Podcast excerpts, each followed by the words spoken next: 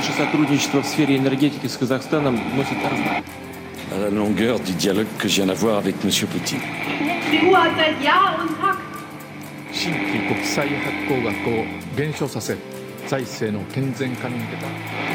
del fascismo en Sudamérica.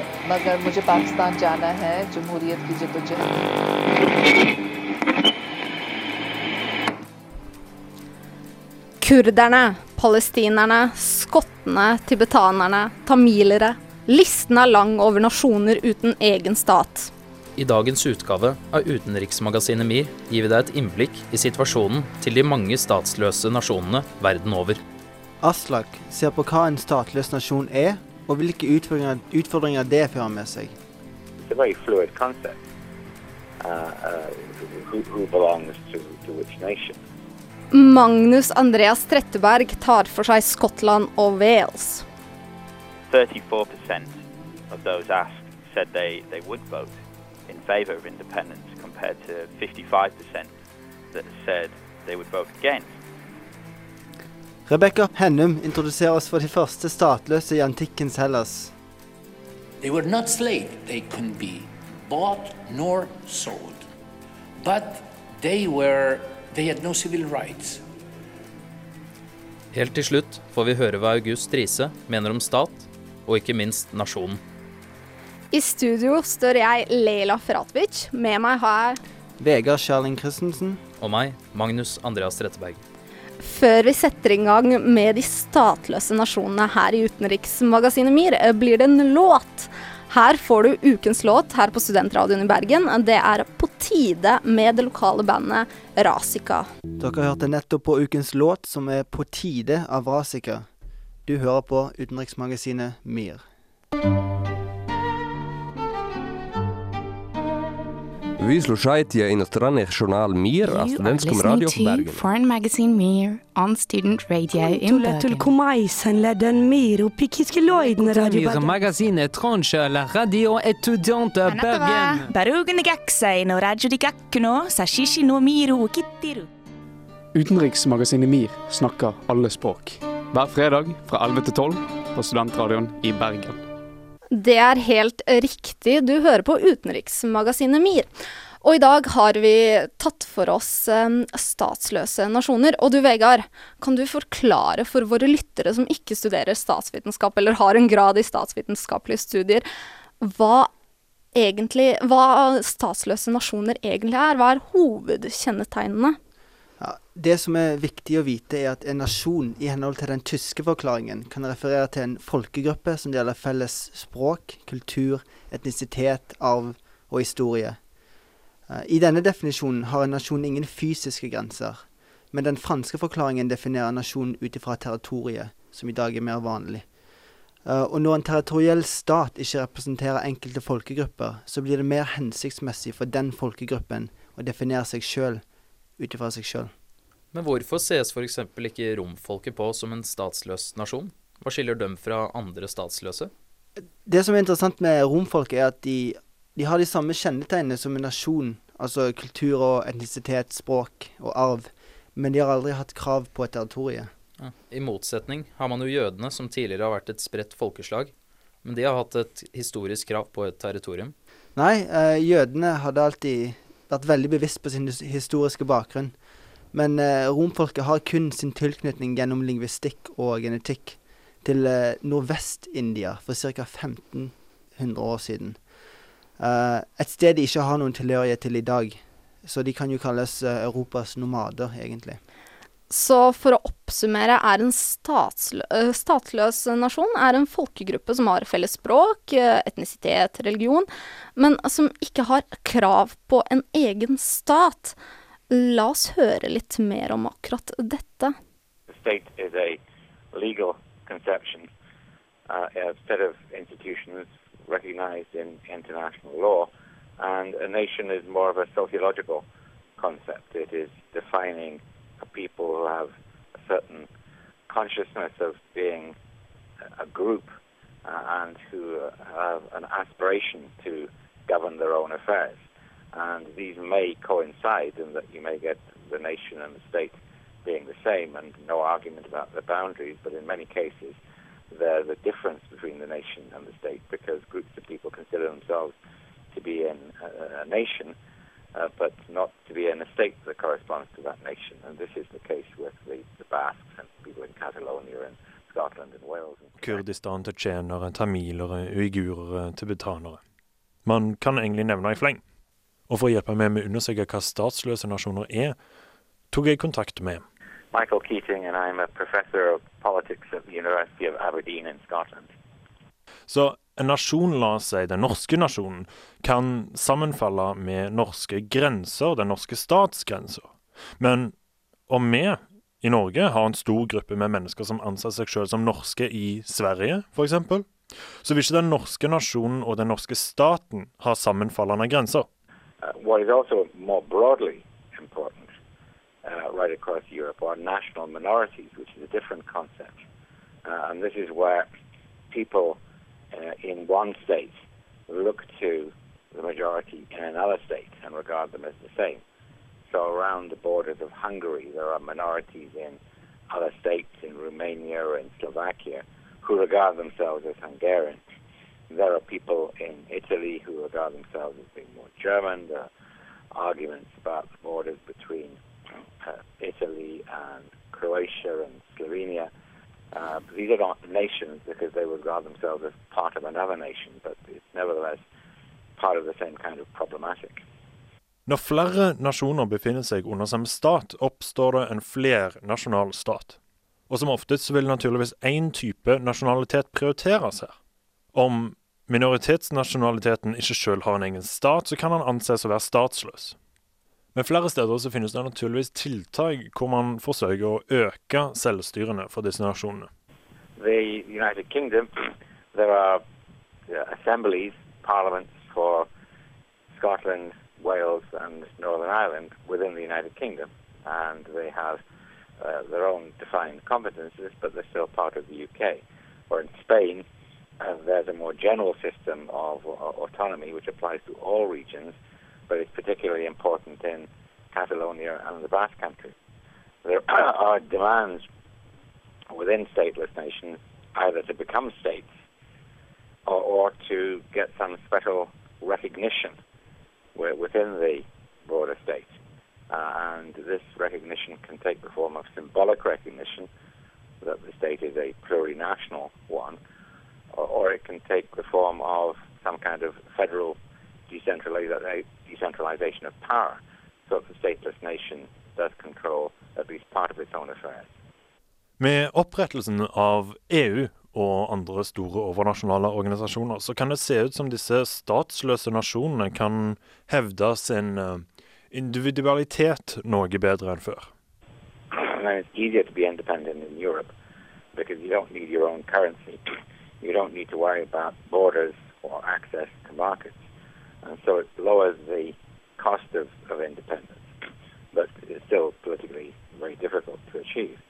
And for those who don't want independence but want some form of recognition short of independence, they've been looking for some kind of place within the European institutions where they can operate outside their own nation state.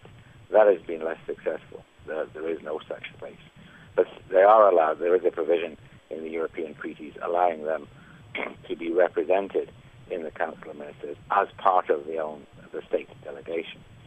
So there's a big argument then about how they can use Europe, how they can secure their own interests in Europe, given that they are not themselves members of the European Union. Do you think we'll see more states in, in Europe in the future? It's possible, but uh, uh, not not very many. There are very few demands for independence within Europe now that the former Yugoslavia has already disintegrated. And if we're talking about Europe proper and not going into the Caucasus, then there are very few secessionist demands indeed.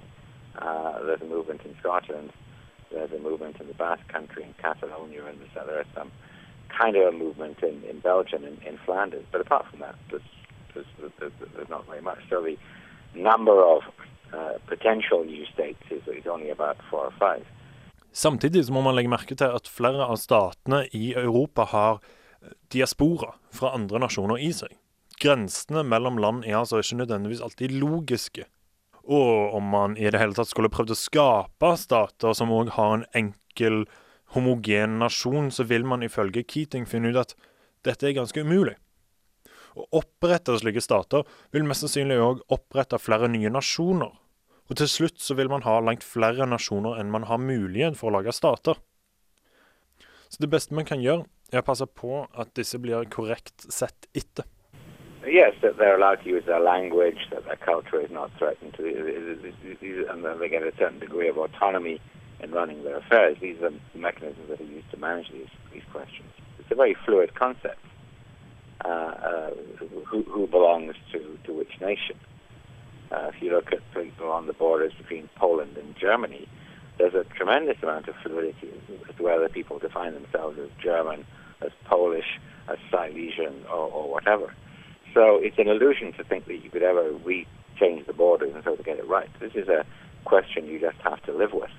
Aslak Rødder og Michael Keating i lett samtale her på utenriksmagasinet MIR. Og for, før vi går videre eh, til, eh, til, disse statsløse nasjonene, skal du, kjære lytter, få en låt fra ukens album 'Vestiges' av Grandmas Tea Party, med låten 'Here in the Night'. Ukens album her på Studentradioen i Bergen.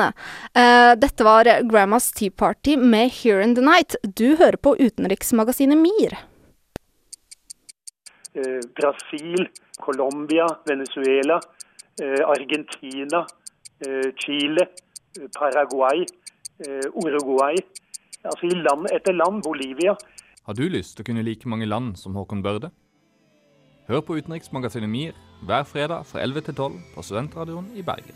For dere lyttere som nettopp slo på radioen, tar vi i utenriksmagasinet MIR for oss statsløse nasjoner denne uken. Og da kan vi se spesielt på disse statsløse nasjonene som blir regjert innenfor et land. Eh, da tenker jeg spesielt på katalonerne og tibetanerne. Ja, og det som er spesielt med disse to nasjonene, er at området de befinner seg i, territorielt, at de er territorielt avgrenset, da, slik at de har en naturlig grense. Og både katalonerne og tibetanerne har et eget språk, de har kultur, de har arv. Altså er de kjennetegnene en nasjon har, da. Og det eneste er at de ikke har et eget selvstyre. Men Magnus, hvorfor blir det ikke en egen stat, da? Jo, skal du høre. Tibet er mer forskjellig fra Kina enn det Catalonia er fra Spania.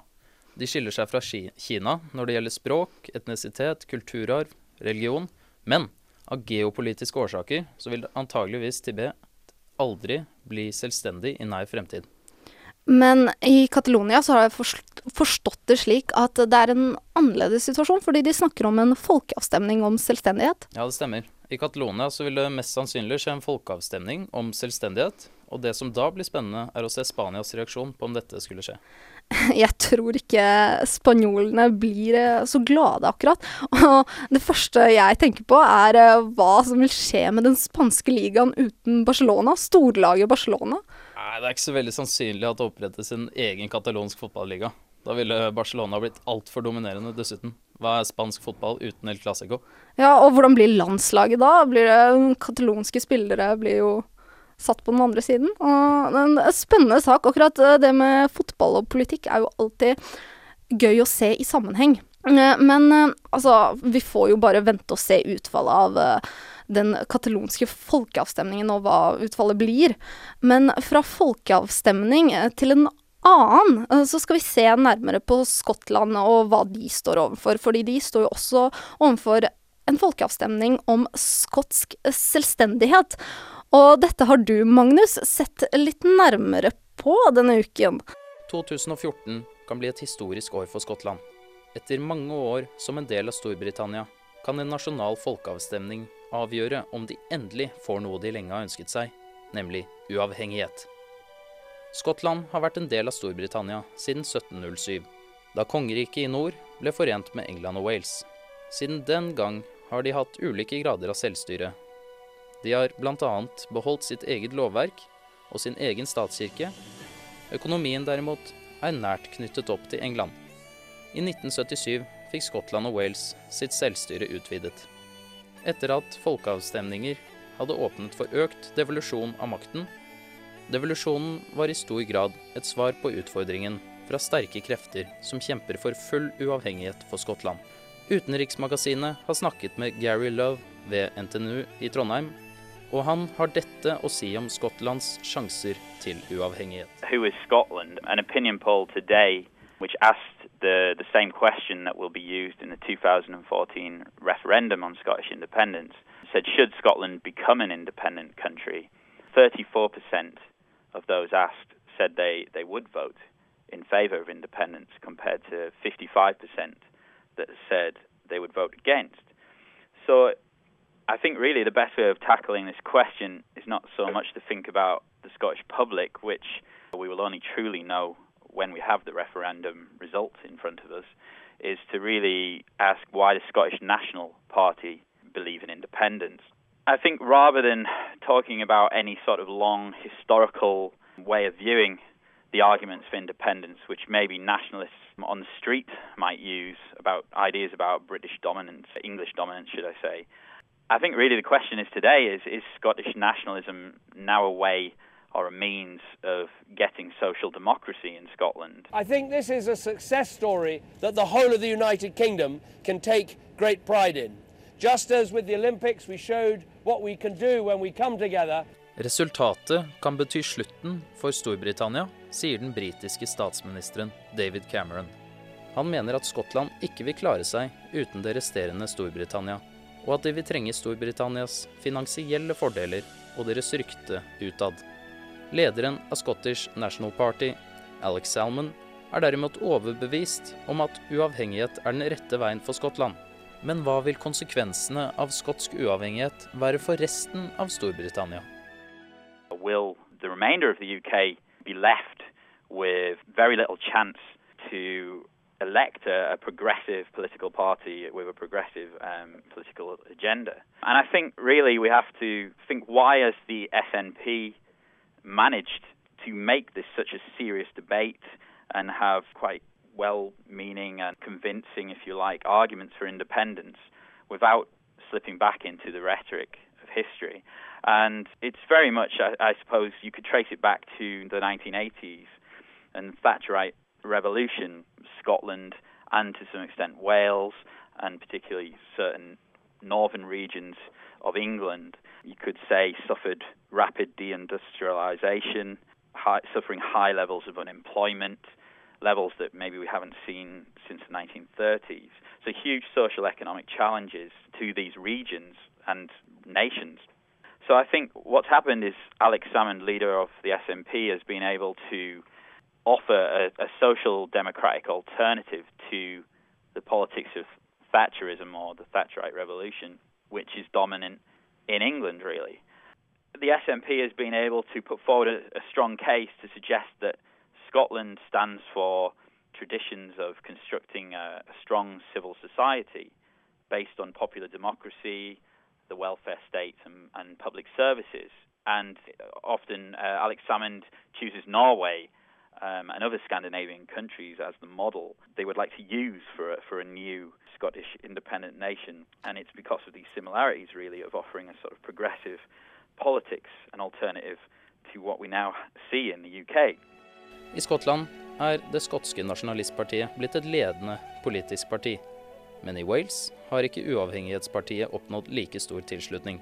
I Wales er det fortsatt de konservative politikerne som sitter med makten. Den walisisktalende delen av befolkningen i Wales er også en minoritet i forhold til resten av folket, og dette gjør Wales mye mer påvirket av England enn det Skottland er. Der skotske politikere klarer å referere til symbolske nasjonale identiteter som virkelig viser hvor enestående Skottland er, klarer ikke Wales å hente fram de samme tradisjonene for å fremme sin sak for uavhengighet. I think what we've got to remember is that in Scotland, the SNP has, you know, become a leading political party, has managed to disrupt mainstream politics in, in Scotland. In Wales, Plaid Cymru, which is the party supporting independence, is not yet one of the two main political parties in the Welsh National Assembly. So you've seen a, a big shift where the Conservatives have been almost shut out of Scottish politics, whereas in Wales, Conservatives still have a foothold, almost a resurgence in Welsh politics. Wales still has a more traditional way of voting, and also Wales has has a smaller population, of course, three million people compared to uh, near five million in Scotland, and also has a very di- diverse and mixed population in that Welsh-speaking areas are a minority now in Wales, and they're geographically sort of splattered all over the country, if you like. And lots of the border regions are heavily influenced by the English. So you have a very different situation on the ground, a very different mix of political parties and strengths of political parties.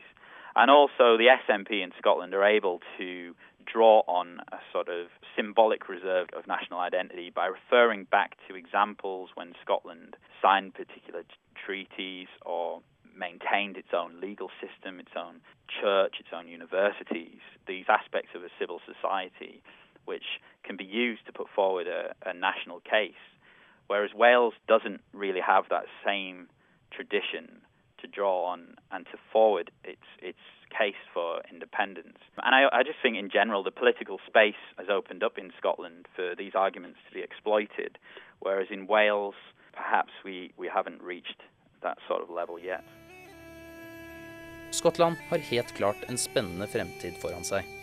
Og om den nasjonalfølelsen tar overhånd, eller om det skotske nasjonalistpartiet klarer å overbevise folket om at uavhengighet er det rette, vil vi se store endringer på de britiske øyer i den nærmeste fremtid. Skottland som skal stemme om selvstendighet, hørte vi her. Og om det skjer, blir det veldig spennende å se, merker jeg. Og ikke minst å følge med på. Men la oss bevege oss litt fra dagens eh, situasjon med Skottland og katalonerne, og se heller på sta de statsløse fra et historisk perspektiv. Og da tenker jeg spesielt på antikken. Ja, for antikkens tid så har det eksistert folkeslag og nasjoner som ikke hadde sine egne stater.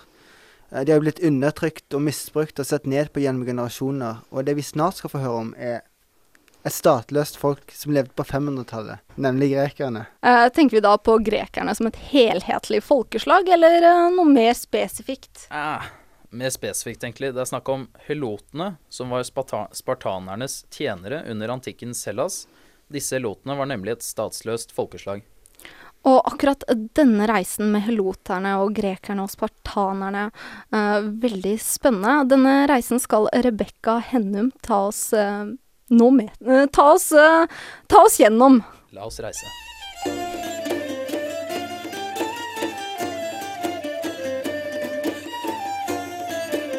De statsløse grekerne er noe som ikke hører til nåtiden. Men på 500-tallet, før vår tidsregning, var dette en relativt stor gruppe mennesker. De kaltes helotene. Det hele startet i Sparta. Sparta var en svært konservativ stat. De var ikke materialistiske. De skulle være selvforsynte, og de hadde en streng, perfeksjonert militær orden. Men sparterne selv drev ikke med jordbruk. Det hadde de heloterne til. They were not slaves. They couldn't be bought nor sold. But they were they had no civil rights.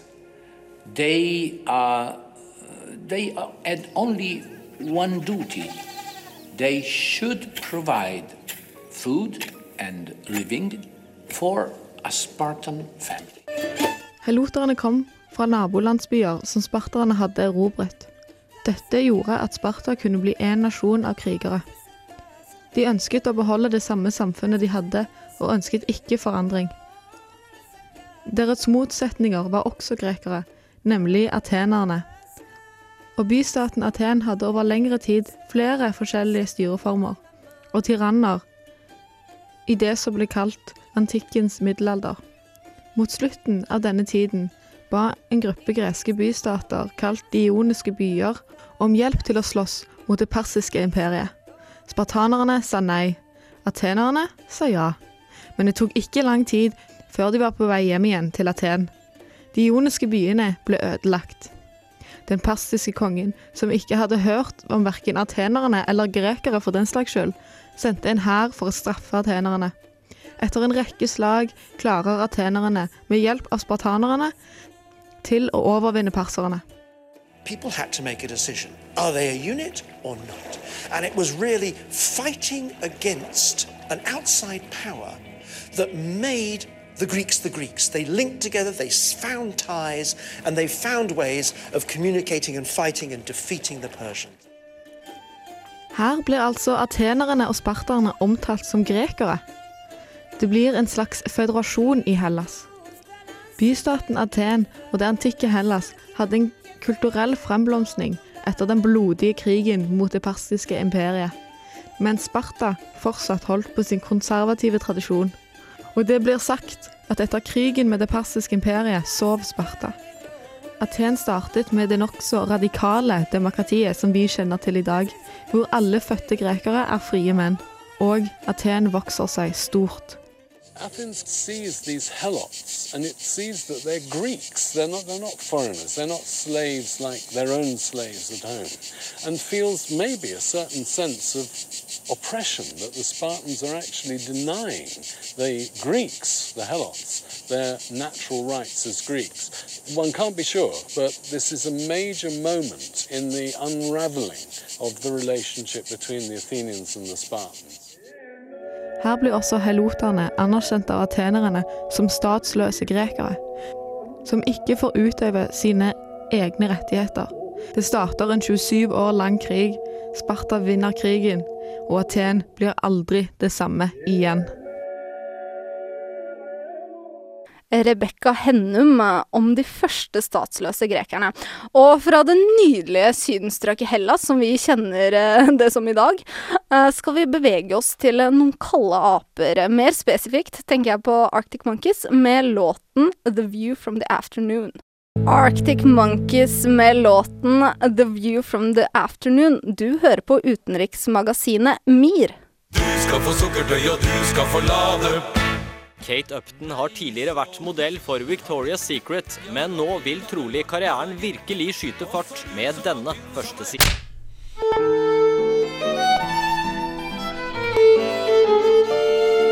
Seriøst. Utenriksmagasinet MIR. Folkens, eh, la oss snakke om eh, her i Utenriksmagasinet MIR om eh, det som kanskje er den største statsløse nasjonen i dag, og som har vært det i veldig lang tid, nemlig kurderne. Eh, De bor f.eks. spredt over hele Midtøsten, og de driver en aktiv eh, selvstendighetskamp, som til tider er voldelig. Eh, som f.eks. da det fremste eksempelet på denne voldelige selvstendighetskampen er jo aktivistgruppen PKK. Og hva er så spesielt med PKK og kurderne? Jo, kurdere anslås å være mellom 25 til 30 millioner mennesker spredt over Tyrkia, Iran, Irak og Syria. De har en utrolig sterk nasjonalfølelse og har tegnet kartet som definerer grensene deres.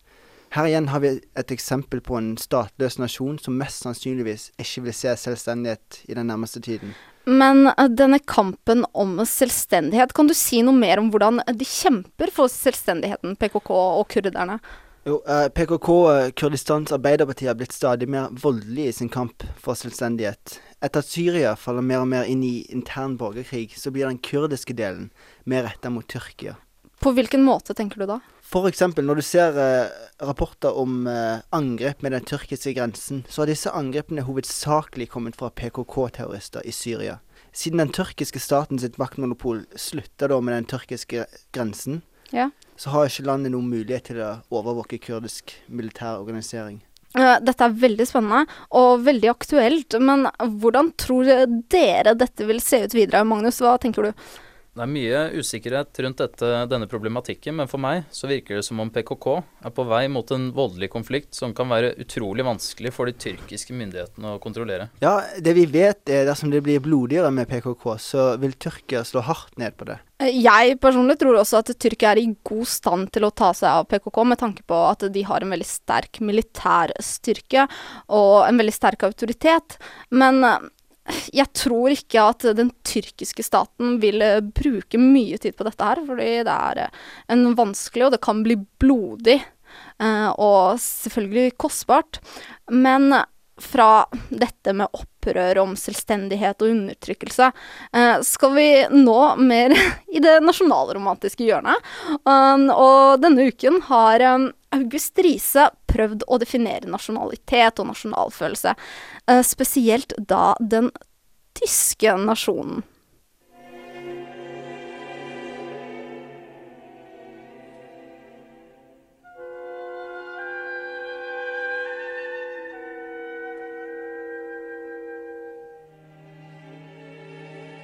Vi hører Wilhelm Richard Wagner, en av de største romantiske komponistene i verden. Han vokste opp i et fragmentert Tyskland. Et Tyskland som ikke lignet på den riksenheten vi kjenner i dag. Wagner og andre av hans samtidige kunstnere var opptatt av å definere det nasjonale. Derfor har vi i dag et rikt utvalg av storslåtte operaer og vidunderlige landskapsmalerier. Noen av de ypperste verkene produsert i den romantiske æra huker tak i sjelen din og skriker 'se hvem vi er'. Og man må ærlig innrømme at de som kan skape noe slikt, må beundres. Spørsmålet 'Hvem er jeg?' har alltid vært tett beslektet med 'Hvem er vi?' Mennesker har alltid vært opptatt av å definere fellesskap. Det være seg gjennom kunst, politikk eller ved de små ting, som f.eks. gjennom å dele måltider. Men ikke alle har vært like heldige i sin søken etter vi-et. Innimellom må en identitet vike for en annen. Av og til kan det endog være farlig å være del av en gitt gruppe. Hvis du var kurder i Tyrkia på 1920-tallet, hadde du intet annet valg enn å flykte. Flykte eller leve i undertrykkelse. Kanskje bøte med livet. Bøte med livet for å være en annen. For å være en av dem.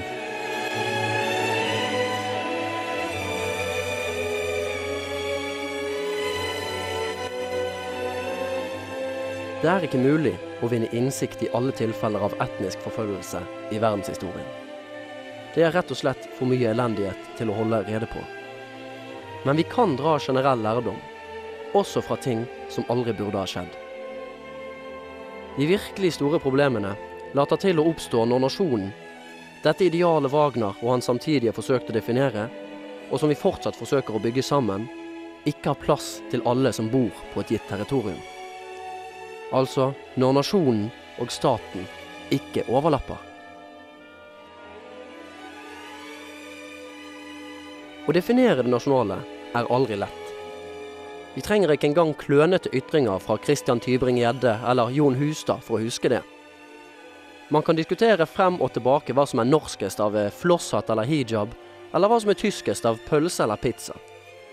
Man kan snakke om den nordeuropeiske protestantiske arbeidsetikken, eller årsaker til hvorfor nomadefolk sliter med å tilpasse seg noen steder. Men man må aldri glemme hva vi egentlig diskuterer når vi snakker om nasjon. En slik samtale eller offentlig ordskifte vil alltid handle om hvordan vi ønsker å leve sammen. Hva vi skal ha plass til. Og ingen må gjøre seg illusjoner om at det ikke er noen big deal å definere noen ut av en nasjon. Det er slik man produserer triste menneskeskjebner, og i verste fall hele folk på flukt. Det er gjennom å skape et dem at vi tillater oss å bli onde, både som individer og som grupper.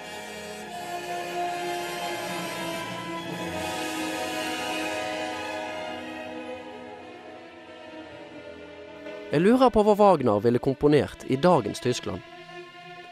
Jeg liker å tro at denne kjærligheten til nasjonen som er så tydelig i musikken, ikke nødvendigvis er en ode til et gitt fellesskap. Ikke til et folk, ikke til en generasjon, og heller ikke til en gjeng menn med overlappende politiske ideer. Men at kjærligheten til nasjonen er kjærligheten til ideen om et fellesskap i seg selv. At vi gjennom å leve sammen kan leve godt, skape god musikk, male flotte malerier eller finne glede sammen i de små og store ting, som f.eks. ved å dele måltider eller ved å ta del i det samme offentlige ordskiftet. Jeg, for min del, håper at ordet nasjon i nær fremtid får en verbform å nasjonere. Og jeg håper at å nasjonere vil bety å lære seg å leve sammen med sine medmennesker.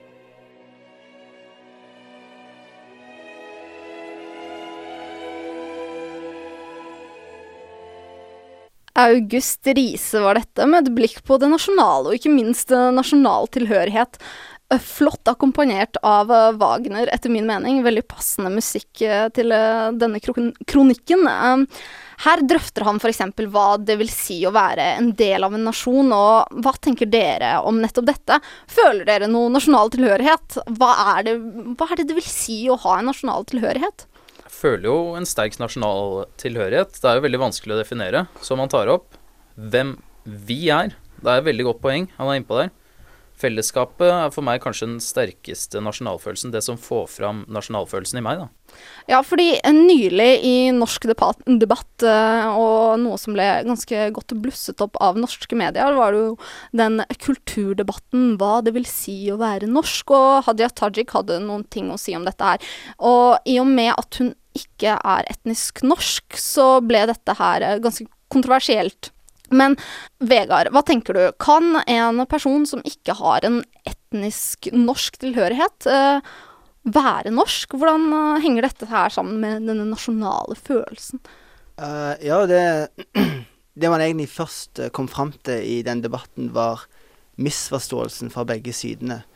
Uh, hvor egentlig det var veldig viktig for den ene siden å at man skulle anerkjenne Norges eh, kristne arv, som de kalte det. Eh, mens den andre siden prøvde å påpeke hvor ekskluderende fokus på den arven kunne være. Eh, og det man så at eh, verdier ble kjapt En verdidiskusjon ble kjapt en integreringsdebatt igjen. Som det ofte blir.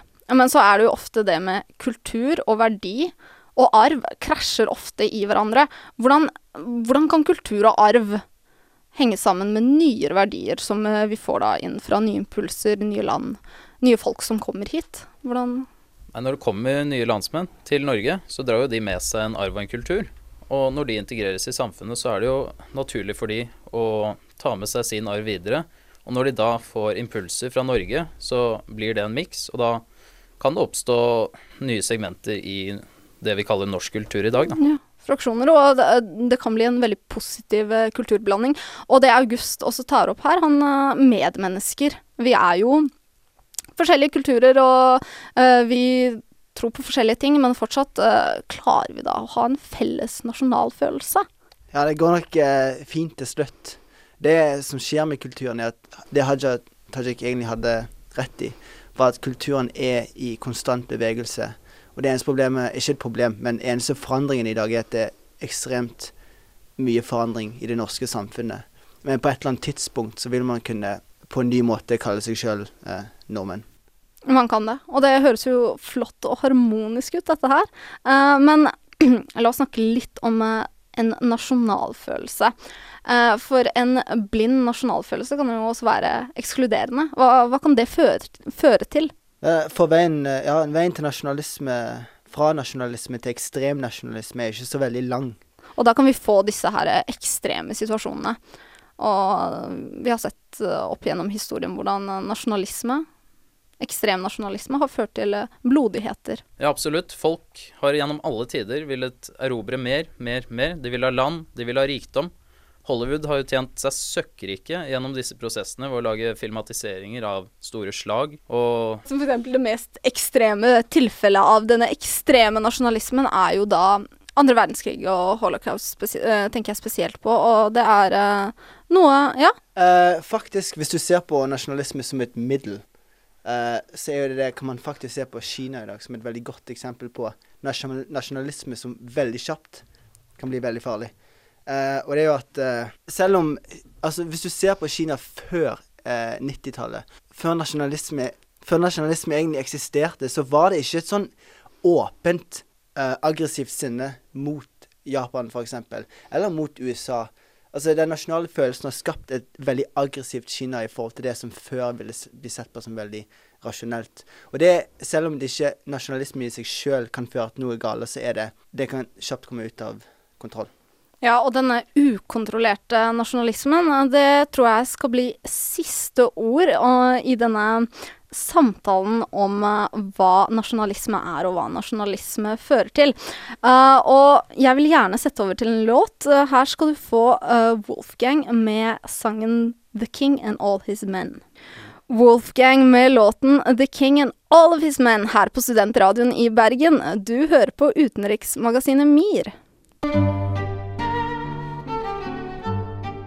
Det som er essensen, er at det, altså det, det er realøkonomien som betyr noe. Det, det, det er ikke, og penger er bare en illusjon. Eh, altså det, det som virkelig skjer, nå, det er at jeg er en professor i økonomi.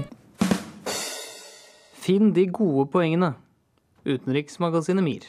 Og i utenriksmagasinet MIR har vi i dag sett på de statsløse nasjonene. Vi har fått en innføring om nettopp dette av Aslak Rødder, som tok en prat med Michael Keating. Magnus Andreas Tretteberg har spurt Gary Love om situasjonen i Skottland og Wales. Rebekka Hennum tok oss tilbake til antikken og de første statsløse. Helt til slutt fikk vi et eh, ganske romantisk og tårevått eh, En ganske romantisk og tårevåt eh, kronikk av August Riise, som drøftet hva en nasjon egentlig er. Og vi vil gjerne takke til alle som har bidratt. Men hvis du ikke fikk med deg denne sendingen, kan du laste ned podkasten på srib.no slash podkast, og så kan du like oss på Facebook. Og følg oss på Twitter. Selvfølgelig. Følg oss på Twitter og Instagram og Facebook og alle slags oss. mulige sosiale medlemmer. Takk også til produsent Emil Perron. Vi i Utenriksmagasinet MIR eh, takker for oss for denne gang, men ikke glem å høre på oss eh, neste fredag, samme tid, samme sted, her på Studentradioen i Bergen. Etter oss kommer Lydmuren på gjenhør.